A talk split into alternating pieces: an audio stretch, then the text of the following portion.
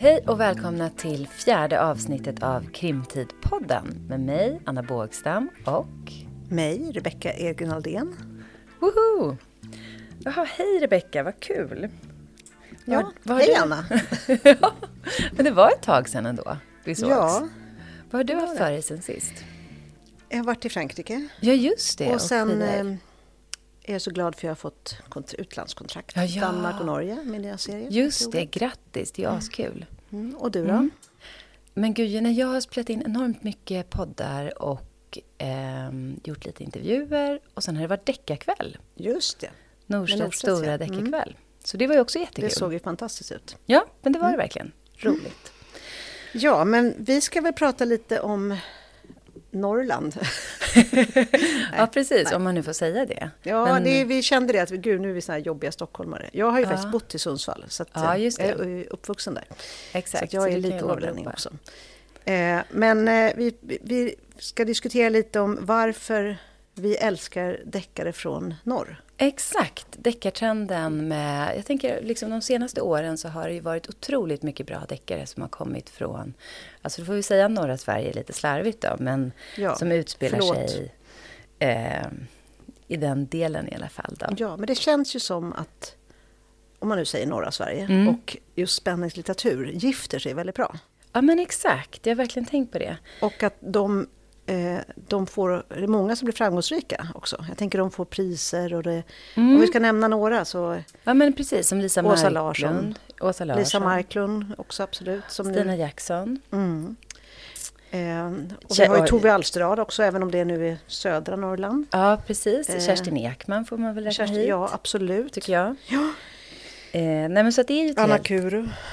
Men eh, och liksom, de har ju någonting eh, gemensamt. Eh, och det här har vi pratat om emellanåt. Men det är både att det är ett fantastiskt språk. Mm. Men sen är det liksom inslagen av naturen mm. och eh, det samhället. Att det är liksom öde, mm. det finns en ensamhet. Mm. Eh, det är en viss typ av eh, människoliv som skildras. Ja, för att någonstans måste man ju ha lite skav och konflikter. Mm. Både liksom i historien men också i, i karaktärerna. Och eh, någonstans är det nästan lättare att göra det, känns det som. Om I... de här bor i Norrland. Nej men förstår du vad jag menar? Att ja. de är, eh, men jag tänker liksom miljön är, är toppen. Att det är eh, liksom avfolkade ensamma trakter. Eh, händer någonting så är man helt lämnad åt sitt eget öde. Ja. Eh, människor som har stannat kvar är lite bortglömda. I någon, alltså mm. det, det, tycker jag är någonting som återkommer i en del av Väldigt de vi många av de här fint. Jag tänker på när Isarna Roma, den debuten som kom mm. förra året. Där var ju själva grejen just att, att polisen när de åker ut på ett larm, då är det liksom då tar det så två timmar att ta sig dit. Och sen mm. om, de, om de hamnar på ett villospår, och så upptäcker mm. de att det är någon annanstans. Och tar det typ två timmar att ta sig dit. exakt, det, men vilket det är också vilket en realitet. skapar spänning. Mm. Eh. Ja. Exakt, och rätt karga förutsättningar allmänt ju att leva under vissa omständigheter som brukar skildras i den här, de här romanerna. Ja men precis, lite som så isländska deckare också, tänker jag. Mm. Som också har det här med den här utsatta, utsattheten i naturen. Eller vi pratar ju också om Jane, Jane Harper. Exakt, som utspelar sig i Australien. På landsbygden i Australien. Jag tänker på En riktig man. Ja men verkligen. Och det, liksom, att där, fast där är det då liksom, ö, liksom sanden och öknen mm. eh, mer. Att den utsattheten. Ja, precis. Ja men mm. vad, vad, spännande. Nej men för de, de vinner ju priser också. Ja exakt. Säger jag lite, lite bittert. Nej men det känns som att det är en väldigt bra grogrund ja. för att skriva spänningslitteratur. Att förlägga dem i norr. Ja precis. Men och någon som har väldigt nyligen fått pris för en jättebra deckare som utspelar sig i norra Sverige, eller i Åretrakten, är ju Sara Strömberg. Ja. Med deckaren Sly, som fick pris som årets deckardebut av Deckarakademin. Mm. Eh, och den helt värt också, för den är ja, fantastisk. Ja, gud ja. Det tycker jag är helt fantastisk. Mm. Eh, men jag tänkte, ja, det kanske man ska säga för de som inte känner till Sara Strömberg, så är hon hon kommer från Västerbotten och Jämtland. Hon arbetar som journalist och som kulturredaktör i Östersund. Mm. Eh, och det här är som sagt hennes eh, debut. Men eh, alltså jag tänkte att det vore spännande att prata lite med Sara Strömberg om deckaren Sly och hur hon tänker ja, kring miljön. Ska vi ta in henne? Vi gör det. Ja, toppen. Då tar vi in Sara Strömberg. Varmt välkommen Sara Strömberg Tack. Du är ju aktuell med din eh, spänningsdebut, Sly. För de som inte har eh, läst den, kan inte du berätta bara lite kort, vad handlar den om? Mm. Lite så baksidestext. Det, jo, men jag kan faktiskt den nästan utan till. Nej, men det, är, det, är, det är höst i Åre kommun när en kvinna hittas död på baksidan av Åreskutan. Hon ligger nedanför ett jakttorn på ett kalhygge. Och då får avdankade redaktören Vera Bergström i uppdrag att eh, skriva om det här, om eh, bybornas rädsla. Men eh, hon blir allt mer besatt av att ta reda på vem den här kvinnan är, vad som, vem som har mördat henne och varför. Men det är väl den korta beskrivelsen tror jag. Mm. Men, men större teman är kanske övergivenhet, eh, människors sökande efter tillhörighet och glesbygdsstöd, lokaltidningsstöd. Mm. Mm. Sådana saker. Ja, för det här, vi bjöd ju in dig för att vi ville prata lite om varför alla älskar, och vi också, älskar spänningsromaner som utspelar sig i norra Sverige. Och varför de har blivit så framgångsrika. Och det här är ju ett utmärkt exempel på det, för det här är ju en fantastisk bok som har också vunnit priser och blivit jättehyllad. Eh, otroligt bra. Eh, så hur kommer det sig att du valde den här miljön? Att skriva den uppe i? Mm, alltså det var, jag tror det är många olika faktorer som ligger bakom eh, att jag valde som jag valde. Och jag tror att det började redan när jag var yngre. För att då bodde jag nämligen på samma eh, tågstation som min karaktär Vera Bergström bor på idag. Efter gymnasiet så flyttade jag upp eh, till On. Och eh, in på, i ettan ovanpå eh, tågstationen i On. För jag skulle jobba som servitris på Storvallens fjällcenter utanför Storlien. Och, eh, men, men alltid när jag berättar det, så här, ja, där har jag bott. Då har jag mm. ofta fått höra så här, Va? Har du bott i den där hålan? Och det har fått mig att fundera, eh, vad skulle ha hänt om jag hade bott ovanpå Åre gamla tågstation, som, som ju är en jättetrendig restaurang idag. Då hade de säkert tyckt det var jättecool. Mm. Men sen, och sen så har det här förstärkts, det här vilka som får... Det finns ju ett... Alltså människor och platser har ett olika värde, skulle jag nog säga. Och det har förstärkts under åren som jag har jobbat som journalist. Jag har jobbat som reporter då och kulturredaktör på Länstidningen Östersund i 20 års tid. Och då får man ju ofta ett helikopterperspektiv på, på ett län. Och hur, jag har ju många gånger suttit i potthålen, som jag brukar säga, i ut, ja, baksidan av Åreskutan och, och funderat på den stora skillnaden mellan ja, Åre som turistort och de närliggande byarna. Så det här var ett Sådär. tema liksom som du visste att du ville skriva om? Ja, i någon precis. form? Jag bestämde mig tidigt för att jag ville jag tror jag ville titta vid sidan av Åres strålkastarljus. Mm. Det var väl det. Mm. Mm. Och varför blev det kriminalroman då? Ja, men finns det någon bättre genre? Nej, Nej. jag tycker inte det då. ja, det där jag också det har jag funderat på. Eh, mitt intresse för kriminalromaner. Och jag tror att det beror på mitt stora ointresse för skönhet faktiskt. Mm. Eh, det, det, är klart att jag kan njuta av en vacker människa eller en vacker plats. Men jag tycker alltid att man ska skrapa på ytan och se vad som döljer sig under. Det vill säga, eh, kanske åka till en plats där det inte är säsong eh, och, och lära känna en människa kanske mer på djupet. Och, mm. För det är, det, det är då platser och människor är som vackrast. När mm. vi vågar visa oss fula, sköra, svåra. Eh, så det tycker jag att deckargenren är fantastisk på. Att komma in bakom fasader, mm. bakom ytor och så. Ja, men det, mm. det, är som att det är en beståndsdel i spänningsromanen är just det här skavet, konflikterna. Eller hur? Och det utnyttjar du verkligen till fullo. Ja, jag kanske gör det. Mm. Jag tycker det. Och jag tänkte på, jag måste komma in på din huvudkaraktär, du har ju nämnt henne, Vera Bergström. För det känns ju som att hon och den här orten är liksom, de speglar ju varandra. Ja. Väldigt, väldigt fint. Eh, just det här med, liksom, som du säger, lite skavet, utanförskapet. Kan, kan du berätta lite om henne och liksom hennes koppling till den här orten? Ja. Oj, vad ska jag berätta om, om Vera? Hon är ju en outsider och inte en hjälte. Hon, eh, ja, det, det ja, precis, hon, hon, det speglar platsen. för att just det här, det är ju hemskt när människor bränner ut sig för att man har så himla mycket att göra. Men samtidigt är det ju hög status att ha för mycket att göra. Så jag ville nog på något sätt undersöka vem man blir om man har för lite. Vera har ju förlorat sitt jobb efter mm. 30 år i branschen. Hon har blivit lämnad av sin man och hon sörjer att hon inte har några barn. Och, ja, hon har inget hus som vi vet, utan, eller ja, renovera som alla andra gör nu då. Eh, så att, eh, ja, hon, hon är en antihjälte tror jag. Mm. Mm. Man får ju vara väldigt mycket i Vera när man läser Sly.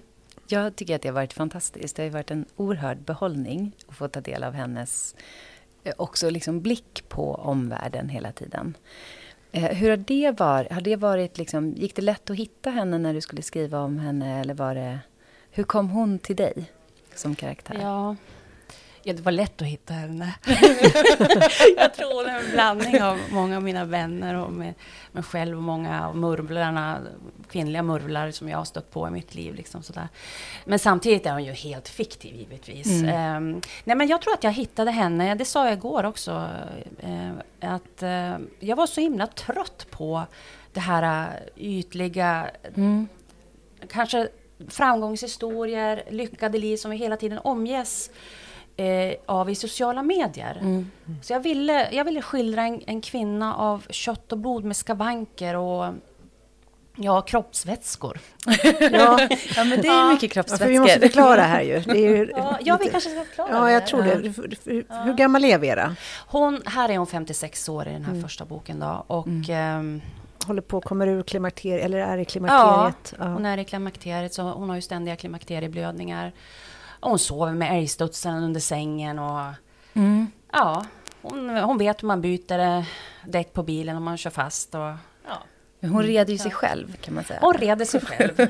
Så, och samtidigt inte kanske. Hon är ju lite sargad. Ja, men och sen så tycker jag också att eh, hon, kan, hon tänker till och med om sig själv att hon är liksom olämplig att rättsvera ibland också. Mm. I sitt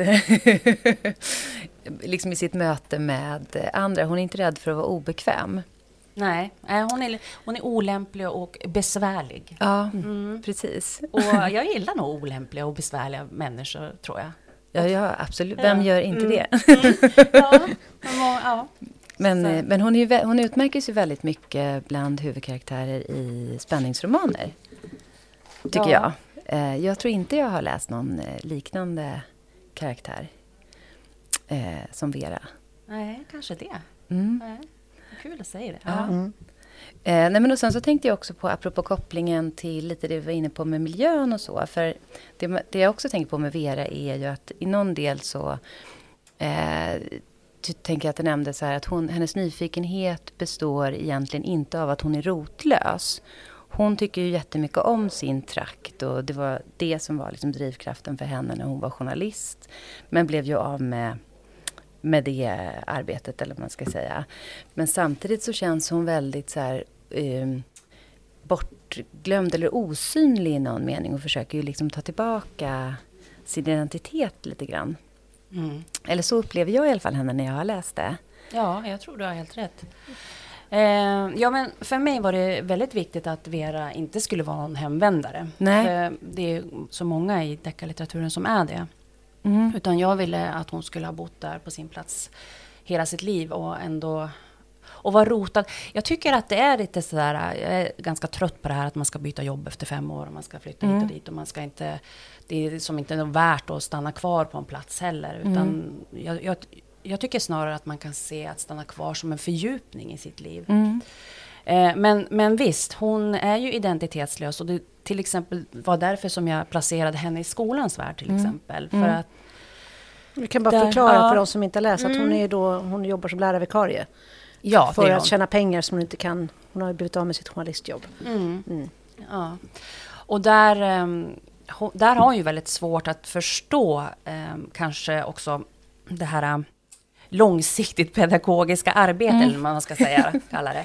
Utan hon är van med den här snabba, eh, snabba bekräftelsen hela tiden som kommer när man är journalist. Då kan mm. man ju mm. se i realtid hur många som läser dig och hur, vad, vad, du får för feedback på det. Så att jag tror att där, hon är ju ganska bitter på, på skolans mm. värld. Och, inte så ja. lågaffektiv, eller vad heter det? Nej, precis. Jag läste det med ett leende. Tyckte att det var ja. en väldigt stor behållning. vad bra. Mm. Jag tänker också eh, Isabella. Mm. Som, eh, vi ska inte berätta för mycket för att avslöja. Liksom. Men det känns ju som att hon också speglar Vera. Eller att de speglar sig, eller alltså Vera speglar sig i Isabella eh, ja. en hel del. Eh, kan du säga någonting om det? Hon är också eh, en som har hamnat utanför lite. Ja, jo men jag tror att Sly handlar väldigt mycket om övergivenhet. Mm. Utifrån ett klassperspektiv och eh, ja, och utifrån eh, ja, mest genom ett klassperspektiv tror jag faktiskt. Och sen att man halkar utanför det här äh, vänskap eller eh, de här normerna som finns. Mm. Mm, om man inte tillhör dem. Mm. Just det. Mm. Ja, superspännande. Men och jag tänkte också bara sista apropå miljön. För du sa att du har själv bott eh, på stationshuset i Oms.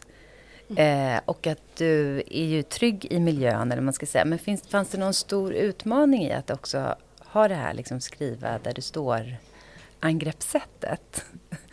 Skita där du äter menar du? Ja, ja.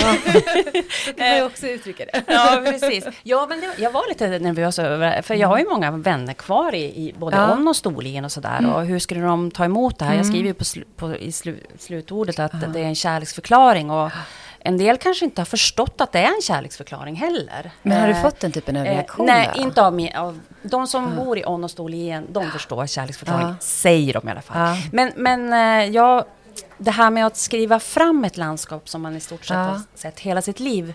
Det, det kan ju vara speciellt, men det där jag funderar på och jag tror, att, jag tror inte att jag någonsin har blivit hemmablind. Mm. Utan jag fascineras fortfarande av det jämtländska landskapet eh, nästan till som om det vore en karaktär i sig. Mm. Faktiskt. Jag, mm. Den är lite vresig sådär. Kanske inte alltid så behagande och så. Besvärlig. Ja, den är lite besvärlig den också som Vera. eh, med blåsten och, och snön och allt det här. Men ja, men intressant. Ja. Mm. ja, precis. För det är ju intressant, precis som du säger, att man kan bli hemmablind. För det omvända brukar ju vara det här med, jag tänker deckarna med hemvändarna, handlar ju ofta mycket om att man kanske har en utifrån blick för att det är en plats man eh, längtar till men inte får vara i. Eller, kanske ett, lite... eller kommer tillbaka och ser med nya ja, ögon. Liksom. Ja, precis. Mm, verkligen. Eh, men hur gjorde du rent praktiskt? Har du, finns alla de här platserna i boken i verkligheten? Alltså alla hus, alltså där du rör, du rör dig ju ganska mycket runt där. Liksom.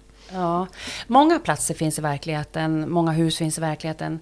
Många platser och hus finns inte i verkligheten också. Det är, eller inte många, men en del. Jag mm. blandar och ger. Ja. Kan det bli så här guidning? Gå, följ i Sara Strömbergs ja. spår? Jo, men det skulle man, som on skulle man nog kunna göra det. Ja, mm. mm. det tror jag. Mm. Men du får inte arga mejl då av folk som säger att det här huset ligger inte där eller det är inte vitt eller? Nej, absolut inte. Nej, Nej. det har jag inte fått. det är skönt. Har du någon, ja. för vi har ju funderat lite grann på varför, det är, varför Norrlands deckarna, om jag nu får vara så generaliserande, har lyckats så bra. Och är så mm. ofta många är så här. Har du någon teori själv? Har du funderat på det? Ja, jag tror att... Um, alltså, det är ju naturligtvis en bra, ett bra en bra miljö att lägga, förlägga spänning i med stora avstånd, eh, långa avstånd. Ehm, eh, ja, men glest och eh, mörker och mycket natur och sådär. Men jag tror faktiskt att det finns en längtan efter något äkta på något sätt, något ursprungligt och, jag, som jag tror många förknippar Norrland med. Ja. Mm. Jag tror faktiskt att det är vi är inne i en sån tid. Och sen mm. eh, kanske många glömmer bort att det finns många stora städer i, i Norrland också, givetvis. Mm. Men eh, jag, jag funderar på om det kan vara något, något, något sånt inblandat också. Och jag, mm. men jag hoppas ju givetvis att det inte är en trend, för då, då är det något tillfälligt. Utan eh, jag, jag, tror att Norrland kommer ganska starkt nu. Det ser man ju på, på um, ja, men näringslivet har ju etablerat mm. sig ganska starkt det, uppöver och eh, pandemin också har ju, har ju gjort att människor har sökt sig mycket mm. till naturen. Och, mm. och intresset för att mm. upptäcka Sverige också, eller att resa i Sverige och inte resa utomlands. Ja, precis. Mm. Så att eh, jag tror att, eh, nej, jag tror att det kanske behövdes en vid, vidgning av litteraturkartan. Mm. Mm. Om det nu är någon vidgning, ja. det vet jag inte. Mm. Ja, nej, men det tror jag också. Jag är lite nyfiken också på din eh, eh, skrivprocess med den här boken. Jag tänker, det här är din debut. Hur länge har du hållit på att skriva på den här boken? Jag skrev den ju eh, på nio månader kan man säga. Oj, Oj. det var fantastiskt. Ja, men sen, sen, sen fick jag ett förlag och då, då fick jag ju skriva om mycket också. Mm. Så, ja. Fick du skriva om mycket? Det känner vi igen. Ja, ja jag, jag känner igen ja. det, men jag, det är inte alltid jag tror att andra har gjort det. det tror jag alla, nästan alla får göra. Eh, ja, jo men absolut, jag fick ju göra om en hel del. Kan du inte berätta lite om hur processen gick till när du fick kontrakt? Ja, jag, eh, jag gick ju faktiskt en skrivarskola. Mm. Eh, gick ju pennspetsen i Bollnäs. Tog tjänstledigt och eh, pluggade då två terminer. Och sen skickade jag in det till många förlag. Och eh, Modernista hörde jag av sig bara efter tre dagar faktiskt. Jag tänkte. Ja. Du måste ha fått respons från alla förlag. Ja, jag, ja, jag fick respons från många förlag, det fick jag. Eh, men då hade jag ju redan hunnit skriva med Modernista. Mm. Så att de var ju väldigt förvånade över att... De tänkte vi haffar i snabbt. ja, precis. Men eh, ja, nu blev det så. Och, um, ja, och sen började ju ja, arbetet med att... Ja. Men du gick en skrivarskola innan då och tog tjänstledigt för att du ville skriva en skönlitterär bok? Ja. Alltså jag har ju hela tiden, hela mitt liv har jag tänkt att jag ska skriva en kriminalroman. Men sen mm. har ju, det har, det har ju tagit längre tid än vad jag trott. För att ja, men, familjeliv, eh, mm. heltidsarbete och sådär har ju kommit emellan. Och livet kommer ju emellan som Bodil ja. Malmsten sa. Ja, ja och, precis. Det ehm. Och, och, eh, men jag, det var faktiskt så att jag bara vaknade upp en morgon och sa till min man så här att Nej men nu, nu ska jag skriva den där deckaren. Mm. Och då mm. sa han så här, ja ta, ta tjänstledigt idag. Aha, Gud, det var ju väldigt också stöttande. Men hade, ja, han är väldigt stöttande. Hade ja. du burit på den här historien då, liksom så i bakhuvudet, eller kom den samma dag? Det, jag hade inte burit på den. Men däremot så hade jag sett, för jag hade varit ut med, jag jagar ju inte själv, men jag hade varit med en kompis ut på jakt. Och eh, då när vi sitter på passet, då, då, tänkte, ja, då börjar tankarna snurra. Ni vet ju, ni är ju också mm. författare. Då tänkte jag så här, tänk om det skulle ligga en kvinna död här. Mm. Och eh, bland rallarrosorna och sådär. Mm. Så det var så liksom idén till första... Ja, ja det kan man säga. Mm. Och så behöver man ju den här som får nysta i, i trådar och så. Då är ju en, givetvis en reporter väldigt bra. Mm. Mm. Men, för jag tänker också att när jag läste Sly så tänkte jag att du måste vara en läsande person. Ja, det har, ja absolut. Så känns det ju verkligen. Jag tycker att det är ett mm. supervackert språk och jättefin gestaltning och så. Och då tänkte jag så här, vad, vad läser du själv för kriminalromaner? Eller vad har du för, har du några du liksom inspireras av? Ja, och alltså jag kommer ju aldrig att glömma när jag läste Kerstin Ekmans Händelser vid vatten. Det var som en, en smocka i magen för mig. Det var mm. det vackraste jag läst någonsin. Och um, jag tycker ju fortfarande väldigt mycket om att läsa Kerstin Ekman. Uh, men, uh, nej, men jag, jag läser väldigt mycket. Åsa Larsson är en stor inspirationskälla. Tove Alsterdal, Lisa Marklund, uh, Johan Theorin. Um, det var det första du sa som inte är Norrland. Ja. ja. Johan Theorin ja, kan... i Öland. Ja, Johan Theorin i Öland. Ja. ja. men jag, det är väldigt många mm. Mm, som jag gillar. Mm. Mm. Hur har du, eh, när du själv tog dig an då och skulle skriva, har du, liksom, satte du ner och skrev från liksom, början till slut? Eller har, jobbar du med synopsis? Eller har du liksom haft, har haft någon speciell strategi eller upplägg för skrivandet? Ja, alltså jag var kanske lite för dåligt uppstyrd i den här första. Men eh, jag började med att skriva faktiskt den här bakgrundshistorien. Jag började med mm. den. Och för, eftersom den skulle då mm ja, den, om den, skulle den unga på kvinnan. Den. Ja, ja, precis. Den jag. har vi inte heller pratat så mycket om när det gäller handlingen i boken. Nej, och det är lite svårt, som ja. Rebecka sa, kanske ja. lite svårt att prata om den. Ja, men, um, utan att spoila ja. Mm. ja. Eh, men den började med att skriva. Och sen mm. så byggde jag på det med den här nutiden då. Mm. Som en överbrygga. Mm. mm. Vad har varit roligast då? Vera eller? Ja, ja, ja, det tror jag. Absolut, Vera var roligast. Ja. Det känner man ju att det måste varit jätteroligt att skriva Vera Ja, jo. när man läser den. Ja, jag tycker inte att det är särskilt roligt att skriva när du nämner det, det, det, det ordet, roligt. Men Ja, men det är så roligt, för jag är också journalist. Jag känner också, liksom, det är mer som ett hantverk, man bara gör det liksom. ja, jo, det, jag tycker att det är eh, ganska stor plåga att skriva, måste jag säga. Ehm, efteråt kan jag tycka det är jättekul och det är väl därför man håller på. Men just när jag är inne i det så, eh, så ja, då... Ja, jag tänker, jag, för- jag, jag tänker så långsamt. Och tycker jag har stor prestationsångest och behöver mycket tid på mig för att... Och, och liksom tystnad och ensamhet. Och jag är skadad av alla öppna landskap i journalistvärlden. Men då, Mm. och så har det ändå gått på nio månader. För jag tänker, då har man inte så himla mycket tid för tystnad och tänk, tanke och så. Nej, men om man har dagar så har man ju mycket Ja. tid ändå. Ja, det är sant. Ja, Om man har heltid, då, är det, då har ja man ju då, tid. då, var, då, jobb, ja, då pluggade jag men jag skrev ju nästan på heltid tyckte jag. Ja. Ja. Men sen så tror jag, jag har ju kommit fram till att alltså, prestationsångesten är en nödvändighet i alla kreativa yrken, för annars är det inte bra. Alltså jag vet direkt om, om det har gått för lätt för mig, då är det så att du har inte gjort din läxa alltså. Mm, då är det inte Mm. ordentligt. Nej. Ja, men.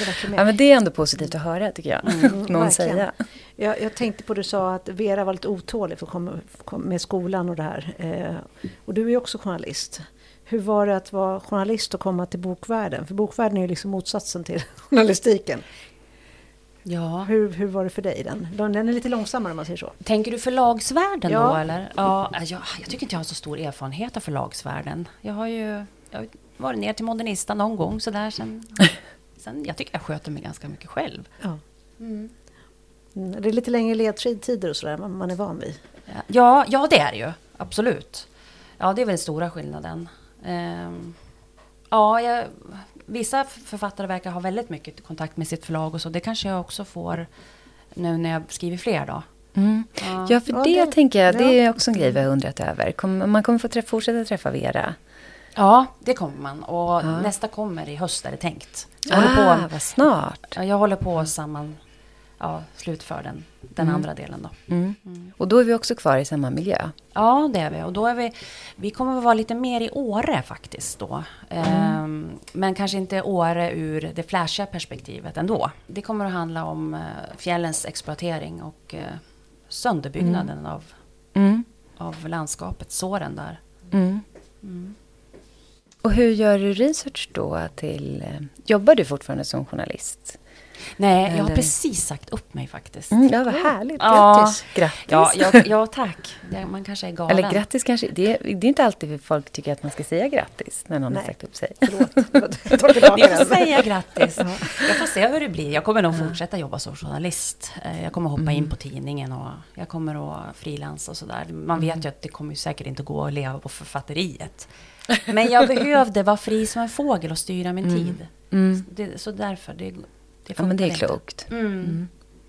Har, har du planer för liksom flera böcker i den här serien? Eller?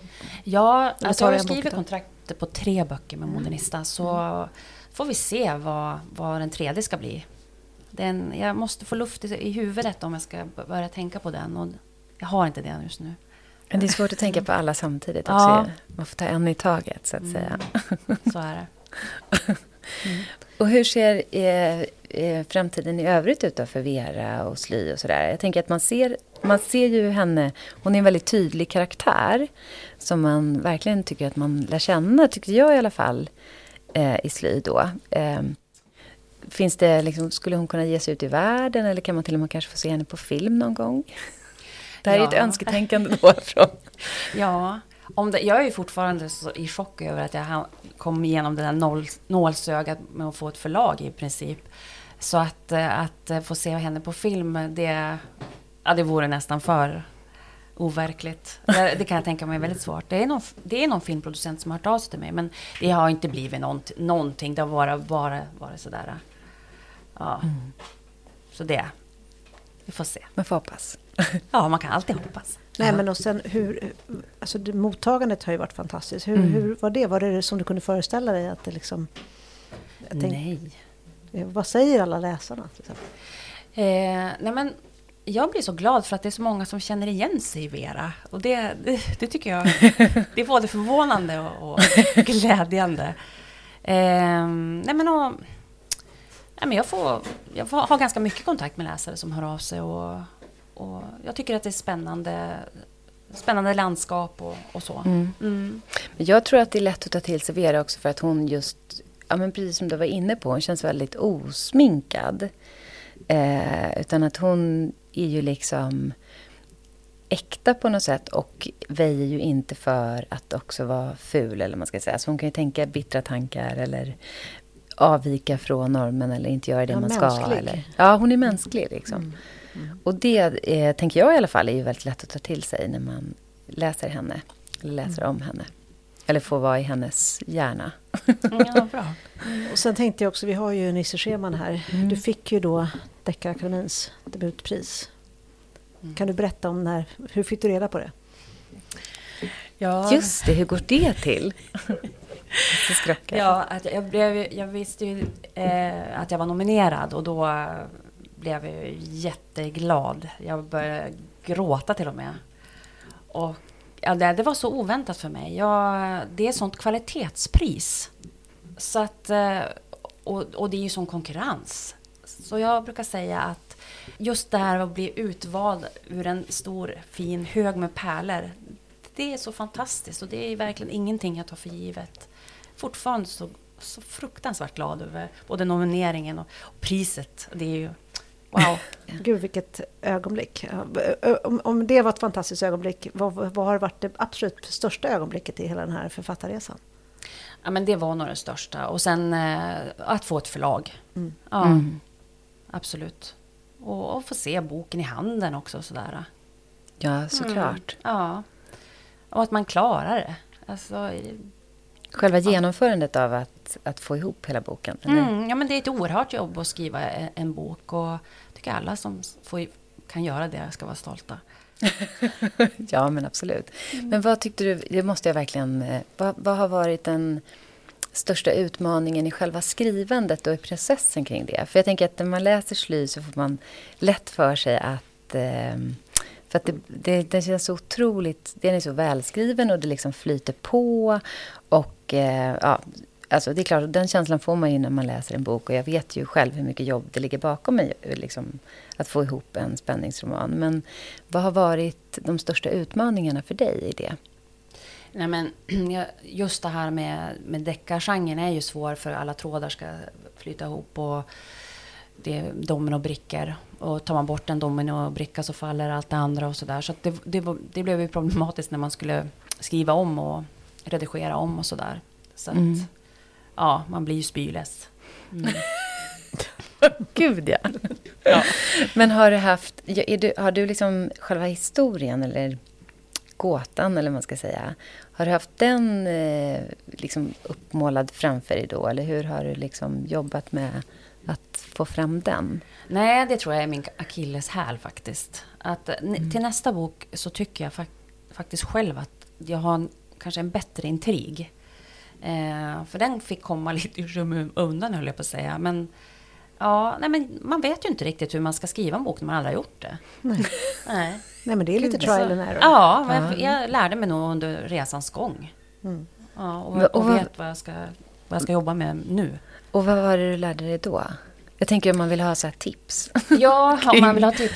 Eh, att eh, kanske mer... Jag, jag har varit no, mer noggrann med en synopsis Ehm, den här gången. Att, att i alla fall ha en början, en mitten och en upplösning. Och sen kanske man inte vet hur man ska ta sig till de här olika anhalterna. Det kanske karaktärerna får, får bestämma också till viss del. Men äh, jag tror det är ganska viktigt just för deckargenren att man... Och att motivet är tydligt. Ja, det, och drivkraften, mm. motivet och drivkraften ja, är så, ja, så viktigt. Det är superviktigt och det kanske inte jag riktigt förstod när jag skrev första. Mm. Mm. Jag tänkte på, du sa att du inte gillar att skriva så mycket. Eh, eller ja. Eh, men vilken del av bokskapandet tycker du är roligast då? Är det liksom råmanus, redigering eller liksom finputsen? Eller var, när är liksom, trivs du som bäst? Oj! Um, Nej men det är väl, det låter så hemskt att jag inte tycker om att skriva och det gör jag inte. Men, men jag tycker Man ändå, får- man jag tror ändå att det är det jag tycker om. Ja. Det blir så motsägelsefullt. Men så Det är det. är Och en hatkärlek. Typ. det är en hatkärlek och just det här, jag brukar ofta gå till Beate Grimsrud eh, som har sagt att jag skriver som jag tänker när jag skriver. Och det tycker jag speglar för författarskapet så himla bra. Att man har kanske en värld att gå till som ingen annan har. Mm. Och i den världen tycker jag om att vara. Det gör jag. Och ändå inte. Ja. Mm. Du tycker om det, men det kanske är lite motstånd ändå? Liksom. Ja, det, Mm. ja, absolut. Det är hela tiden motstånd. Men jag menar, alla kärlekar är ju för fasen inte ljuva och eh, himlastormande och ljusa. Utan de kan vara lite, de kan vara lite svåra och griniga de också. Ja, och, Absolut. Ja. Men jag tror alltså inte vi har pratat med någon författare som egentligen sagt att de älskar just skrivande. Nej, Nej. märkligt nog har vi inte gjort det. Alltså både här i podden och utanför podden så Ja. är det ganska sällan man träffar någon som bara åh, Tycker ni om att skriva då? Eh, ja, både och. Alltså, jag, jag tycker om det när jag är inne i det, men sen så är det så många olika delar tycker jag i att skriva eh, en bok. Att det liksom, I vissa faser så älskar jag det inte. Ja, men det är lite som träning. Ja, Att det kan vara kul när man väl kommer in i det och man får adrenalin och så. Men det är ganska tungt att starta. Och det är absolut skönast efteråt. Ja. På något sätt. Ja, men också tycker jag som med träningsreferensen i så fall att, att eh, det är också... Eh, för det är lite som med kondition, att man måste vara inne i det och hålla på hela tiden. Mm. Jag tycker att det är svårt det där när man faller ur Exakt. fullständigt. Då är det jättesvårt att ta upp igen. Och det är det här som jag tycker är ett gissel med när man samtidigt jobbar med något annat. För då måste man hela tiden... Alltså då får man ju inte skriva kanske alltid på de bästa tiderna eller när man själv har lust eller när man är utvilad eller när... En annan väldigt- parallell där är ju att man vet att om man inte gör det så mår man dåligt. Ja, just det. Så man måste skriva även om det är tungt. Så måste man göra det. För det Ja, liksom en- precis. Mm. Jo, men och det är väl det som är, ligger i den här världen som Beate Grimsrud eh, säger. Att, att det, det sker någonting undermedvetet på något sätt när man skriver. Mm. Tror jag, som man inte riktigt har kontroll över. Och, ehm, man vet all, inte riktigt vad, vad det kommer ur. Så här, jag kan titta på texter ibland och tänka så här, men har jag skrivit det Eh, där? Just det. gud, ja. ja. Jag tror jag många kan. Det tror jag också. Mm. Och kan du också känna det här att man att historien ligger där men det ligger liksom saker för. Så måste, man vet inte exakt, man måste liksom gräva för att... bara, Ja, men just det där är det. Absolut. Och, och det där, ja, man kanske borde bli bättre på att prata om processen med andra. Men jag, är, jag skriver ju med stängd dörr. Den enda jag pratar med är min man. Mm. Medan jag håller på. Eh, inte ens, alltså min förläggare, jag inte pratat med henne en enda gång i princip när jag skriver andra här nu. Förrän, Förrän nu när jag har fått tillbaka manuset. Mm. Eh, och jag vill ha jag tror att jag vill ha det så. Men det kanske kan gå att ändra. Alltså, Jag tror faktiskt det. För jag, min upplevelse är det att i första boken så var jag också så. Första två, tre böckerna var det verkligen ingenting. Men om man pratar med författare som har skrivit länge. De har ju ofta bjudit in tidigare i processen. Så det Ja. kanske är någonting som kommer. jag tror också det. Jag hoppas det. Att man kan bli lite mer social. Men och samtidigt tänker jag så här att man inte behöver göra våld på sin process Nej, om den funkar. alltså, Nej. Så Nej, men det är just väl det här olika. att man känner att man måste lita på sig själv. Ja, Ja, så vill jag inte ha massa så här, nej men det där, nej, nej. Ja, Jag måste få upptäcka själv också. Och sen kan jag släppa in alla, hela världen. Mm. Precis. Mm. Men så, så tänker jag också att har man en bakgrund som journalist så är man ju kanske inte heller ovan vid att andra läser ens texter eller petar i ens texter eller har synpunkter eller liksom, eller att överhuvudtaget att någon annan kommer läsa det man skriver. Jag, jag tycker nog att eh, mina kollegor, alltså mina chefer och sådär har haft, alltså att vi pratar ganska mycket om texter också Ja. i tidningen. Ja, det är det jag menar. Ja. Ja, Att du man, menar- ja, ja, det, är precis det. så. Så man Ja. har den vanan liksom. Ja, ja, exakt, att det är inget privat. Nej, precis. Och att man liksom... Ehm, ja, eh, att, att någon har synpunkter kanske på hur... På texten och så är man liksom inte... Man blir inte superkränkt av Och det. samtidigt är man ju mer skör när det gäller den här texten än vad man är. För, att, alltså för mig i alla fall som artiklar, det, var ju, det kan man absolut få tycka vad man vill om. Liksom. Men man är lite mer känslig när det gäller sitt... Jag vet inte hur det är med dig. Nej, jag, jag tror inte att jag är särskilt känslig faktiskt. Nej, jag, Nej. nej, jag, jag ser det inte riktigt som... Nej, jag, jag kan bara kill my darlings och sådär. Mm. Ja. Och jag bara, nu när du bara nämnde ditt eh, jobb då, eller tidigare jobb som det blir, då bara kom jag att tänka på Strömmen. Ja. alltså Veras eh, chef kan man säga. Mm. Eh, du kände aldrig att du var rädd att någon skulle känna igen sig eller läsa in sig själv? Jag tänker Alltså, Han är underrättad. Ja. jag tänkte väl. Nej då, men det, det, alltså, om man jobbar i journalistbranschen i 20 år ju, så mm. då, har man ju, då har man ju verkligen stött på de här gamla murmlarna som uh knappt finns kvar längre. Men de, har ju, de har ju sållats bort av av digitala spjutspetsar, som jag brukar säga. Mm, jag uh, förstår. Och, uh, nej, men, men jag har haft många sådana män i mitt liv som uh, Mm. Som, är, som, som har så otroligt stort hjärta, men som är också ganska bullriga och sådär. Och mm. han, han, eh, han eh, känner ju också till Veras historia. Mm. Och det handlar, jag tycker Sly också handlar mycket om det, att vilka vi är för varandra eh, utifrån tid. Ja, precis. Mm.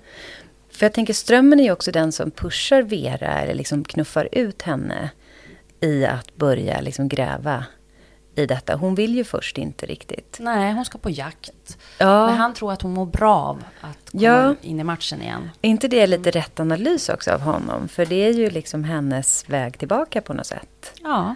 Att hitta till det där. Mm, och det, det, det, är så himla viktigt att man har de där som, som känner en. Mm. Som har varit med från början. Eh, det i de, de, hennes gamla vänner, Veras gamla vänner, mm. det, där är det också en, en sån liten bigrej att hon tycker inte att de har någonting gemensamt längre. Just det. Men då säger Thomas, då, som är en gammal vän till henne, också mm. att ja, vadå? Vi behöver kanske inte ha så mycket nutid gemensamt mm. längre. Det kan räcka med att vi har historien. Mm. Och ibland gör det det. Bara att någon, eh, att någon känner en mm. som man har varit en gång. Det kan mm. räcka. Man behöver inte alltid. Man, man analyserar sönder sina vänner ibland. Jag har kvar mina tonårsvänner och, mm. och de, vi har det vi har med varandra. Mm. Mm. Ja, men precis. Så är det ju. Och det är ju väldigt skönt och härligt, tycker jag i alla fall, att ha kvar det. Ja, verkligen. Ja. Mm. Vad spännande. Frågan om vi, ska vi fråga publiken om vi har någon fråga? Har vi det? Jag är lite nyfiken på den där skrivarkursen och hur den hjälpte dig och hur den var upplagd. Mm. Ja, hur var skrivarkursen upplagd hur hjälpte den dig? Mm. Ja, det var ju Pennspetsen heter det på Bollnäs folkhögskola. Och då, eh, man, man, jobbar ju med ett och samma projekt hela tiden. Och mm många av de här skrivarlinjerna, de är ju uppbyggda så att man ska hela tiden ge feedback till andra som skriver. Mm. Och man kanske får tio texter och sen ska man sitta hemma med rödpennan ungefär och, och komma på smarta tankar och så. Men så är inte pennspetsen, utan då, eh, då träffas man en gång i månaden och då får man, helt spontant, en, då, då läser alla en varsin text och så får man komma spontant med synpunkter på, på den texten. Eh, så att du får väldigt mycket tid att hålla på med ditt eget. Och det var därför jag föll för den då. Det var så lyxigt. Och ja, bra handledare. Och, Men var det så att man satt hemma och skrev för sig själv på sin kammare i en månad och sen kom man dit och då... Ja. Och var det heltidsutbildning det här? Ja, heltidsutbildning. Men det var ju många, givetvis hade vi, vi var mycket litteratur att läsa och eh, en del andra uppgifter också. Mm. Men just det där att, för det är ju det är en konst att komma med, med feedback och, och mm. kritik åt andra. Och ja, jag kan tycka ja. att det ibland blir för mycket. Man måste... Mm. Det kanske inte ger så mycket alla gånger, utan det kan vara andra samtal som ger. Mm. Mm, ja, men så kan det absolut komma framåt i sitt skrivande. Ja. Och så just det där komma framåt i skrivandet. Det har jag, både jag och Rebecka har ju gått alla möjliga skrivkurser. Ja, Rebecka håller ju ihop. själv ja, jag håller också skrivkurser. Eh, men just det där att komma framåt tycker jag har varit liksom en av eh, styrkorna. Eh, för att eh, det är så himla svårt att ta sig tiden annars att jobba med ett manus. I synnerhet om man inte har ett, ett kontrakt liksom, eller vet att det ska bli något. Eller man ska säga. Eh, så det krävs ju verkligen att man kan liksom låsa tid för skrivande. Så brukar jag tänka i alla fall. Ja. Mm. Vi har faktiskt en eh, till fråga här. Jag undrar eh, lite grann, hur har det kommit fram till titeln Sly? Ja, precis. Frågan är alltså hur kom du fram till titeln Sly? Mm. Ja, det var en titel som jag hade tidigt i arbetet och för mig representerar dels sly alla övergivna. För att sly, det växer ju på bortglömda, övergivna platser. Men så fort platsen inte är övergiven längre, då, då vill man ju röja slyn. Då ska ju den bort. Men slyn kommer ju tillbaka. Den går ju inte riktigt att ta koll på. Den har ju sån otrolig växtkraft. Så att eh, sly kan vara övergivenhet, det kan vara representera de oälskade, oälskade kanske ondskan. Eh, och så att för mig är det också en bild av glesbygdsmänniskan. Ja. Men eh, ja, jag har ju också fått här, sly, vad är det? Ja. Eh, ja, vi har alla våra världar att förhålla oss till. Som vi har tillgång till. Ja, just det, Mm. precis. Mm. Det är jättefint. Ja. För det är ju så att i varje avsnitt så får våra gäster ställa en fråga till kommande gäst. Och i förra avsnittet så var det Claes Ekman och Linda Ståhl som gästade oss och pratade om hur det är att debutera. Och eh, då ställde de en fråga och de hade ju ingen aning om vem som skulle komma i nästa avsnitt. Eh, men frågan lyder så här, hur mycket ljuger du på sociala medier om ditt författarskap? Ja, ingenting tycker jag att jag ljuger. Nej, det känns ju inte som det. Nej, jag måste säga det att jag, och jag har alltid varit, ja, jag har gjort en turné i Jämtland och, och Härjedalen nu och sådär och, och varit ärlig med att jag, det är som det är. jag tycker inte alltid det är så roligt att skriva och ehm, ja, sådär. Och, Ja. ja, och det här glamorösa, vet, ja, kanske Mm. det, glamorösa. Det var lite roligt att just du fick den här frågan. För det känns ju verkligen som att din grej inte är att hålla på att liksom eh, försöka ge sken av något som inte är på det sättet och så. Men, men jag tror frågan är ställd utifrån att det är ganska många författare på sociala medier som gärna lägger upp, liksom, försöker sälja någon sorts glammig bild av vad ett författarskap går ut på eller att man så här förskönar processer. Och jag tycker jag har haft många i mitt flöde där det står så här, gud jag älskar redigeringsfasen och så där. Man tänker, gud vad de... Jaha. ja, nej, jag brukar säga att det, det, det är sittfläsk och eh, pannben. Ja. Och, eh, jag äger nästan inte ett par högklackade skor.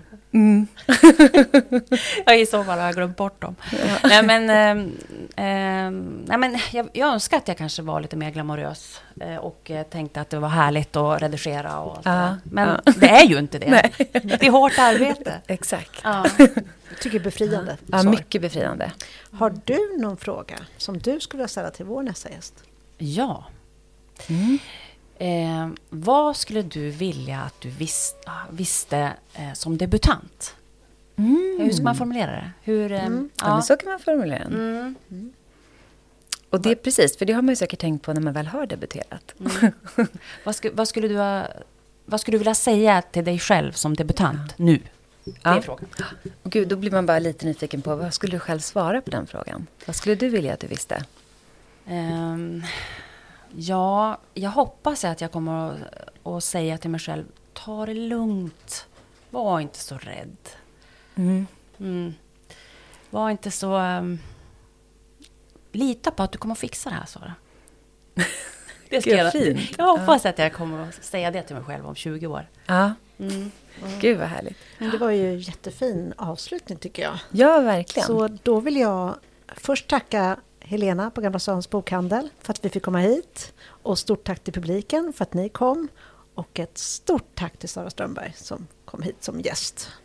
Tusen Tack för oss. tack. Ja,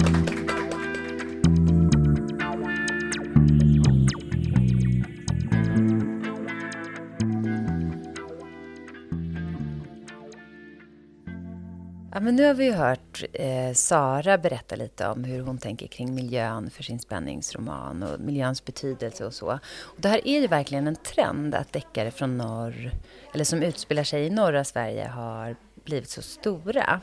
Ja, och eh, framförallt framgångs... Alltså, kritikerhyllade och vunnit så mycket priser. Exakt. Eh, man undrar liksom, vad är det med dem? Och framförallt Deckarakademin har ju de senaste åren eh, hyllat många av de deckare eller stora Ja, författare Tove Alsterdal och Åsa Lars. Åsa och, Larsson. ja, Precis. Precis, och Mm. inte bara Sara. Ja, och Sara. Mm. Men, och då undrar man ju verkligen, eh, Nisse Scherman från Deckarakademin, vad är det med Norrland? Vi tycker mycket om deckare, pre- precis som utlänningar tycker om eh, böcker från Skandinavien, att det är exotiskt. Så tycker vi stockholmare och göteborgare och Malmöbor att norra Sverige är exotiskt. Och då liksom man, man triggas igång av det på något sätt. Sen är ju det här med norra Sverige ett begrepp som jag vet inte om man kan använda det. Ni har ju pratat med Sara Strömberg här. Det är halva Sverige från henne upp till Åsa Larssons, också norra Sverige-deckare. Eh, så vad är Norrland? Vad är norra Sverige? Förra året så kom det väldigt många eh, krim som var från norra Sverige och de fick uppmärksamhet. Eh, men just det att de fick uppmärksamhet gjorde att man trodde att nästan varenda författare skrev om norra Sverige. När det i själva verket var så att det var landsbygden som var det nya. Det var inte bara norra Sverige, det var Dalsland, Bohuslän, Småland, allting. Men de bästa böckerna kom med eh, utgångspunkt från norra Sverige. Och de hade det gemensamt, dels miljön förstås, den exotiska miljön för oss storstadsbor. Eh, Men de hade också gemensamt att de hade så väl gestaltade personer. Alla dessa eh, Åsa Larsson-karaktärer, Sara Strömberg-karaktärer, Lisa Marklund-karaktärer och flera till. Tove Alsterdal ska vi inte glömma. Eh, då- Det var bara människor i de böckerna som man kunde möta på vilken gata som helst eller bakom vilken buske som helst då, eftersom de var mer på landsbygden. Men det är lätt att stirra sig blind på det, det som är bra. Eh, Jag har pratat lite tidigare också att man tror att fler kvinnor skriver deckare än män. Och där stirrar man sig också blind. Just på att de har mera framgångar. Fem stycken svenska kvinnor i rad har vunnit Glasnyckeln för bästa nordiska kriminalroman. Finns det bara kvinnor som skriver? När det i själva verket är 52 procent män som skriver deckare och 48 procent kvinnor. Eh, det är lätt att luras. Men det beror på, ja dels beror det på att det finns kvalitet i de böcker som kommer ut. Eh, och det ska vi ju vara glada för. Ja,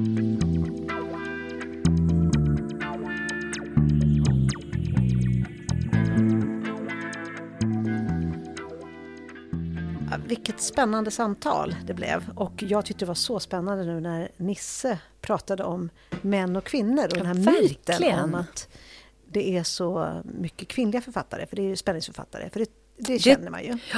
Eh, och det passar ju väldigt bra då att vårt nästa avsnitt, då har vi bjudit hit en manlig spänningsförfattare. Exakt, Gustav Skördeman kommer hit då och vi ska prata lite om hur det är att vara manlig spänningsförfattare. precis. Om det är en fördel eller en nackdel eller om det är ja, så.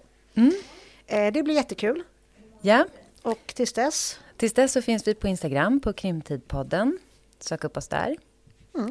ha det bra! Hej då!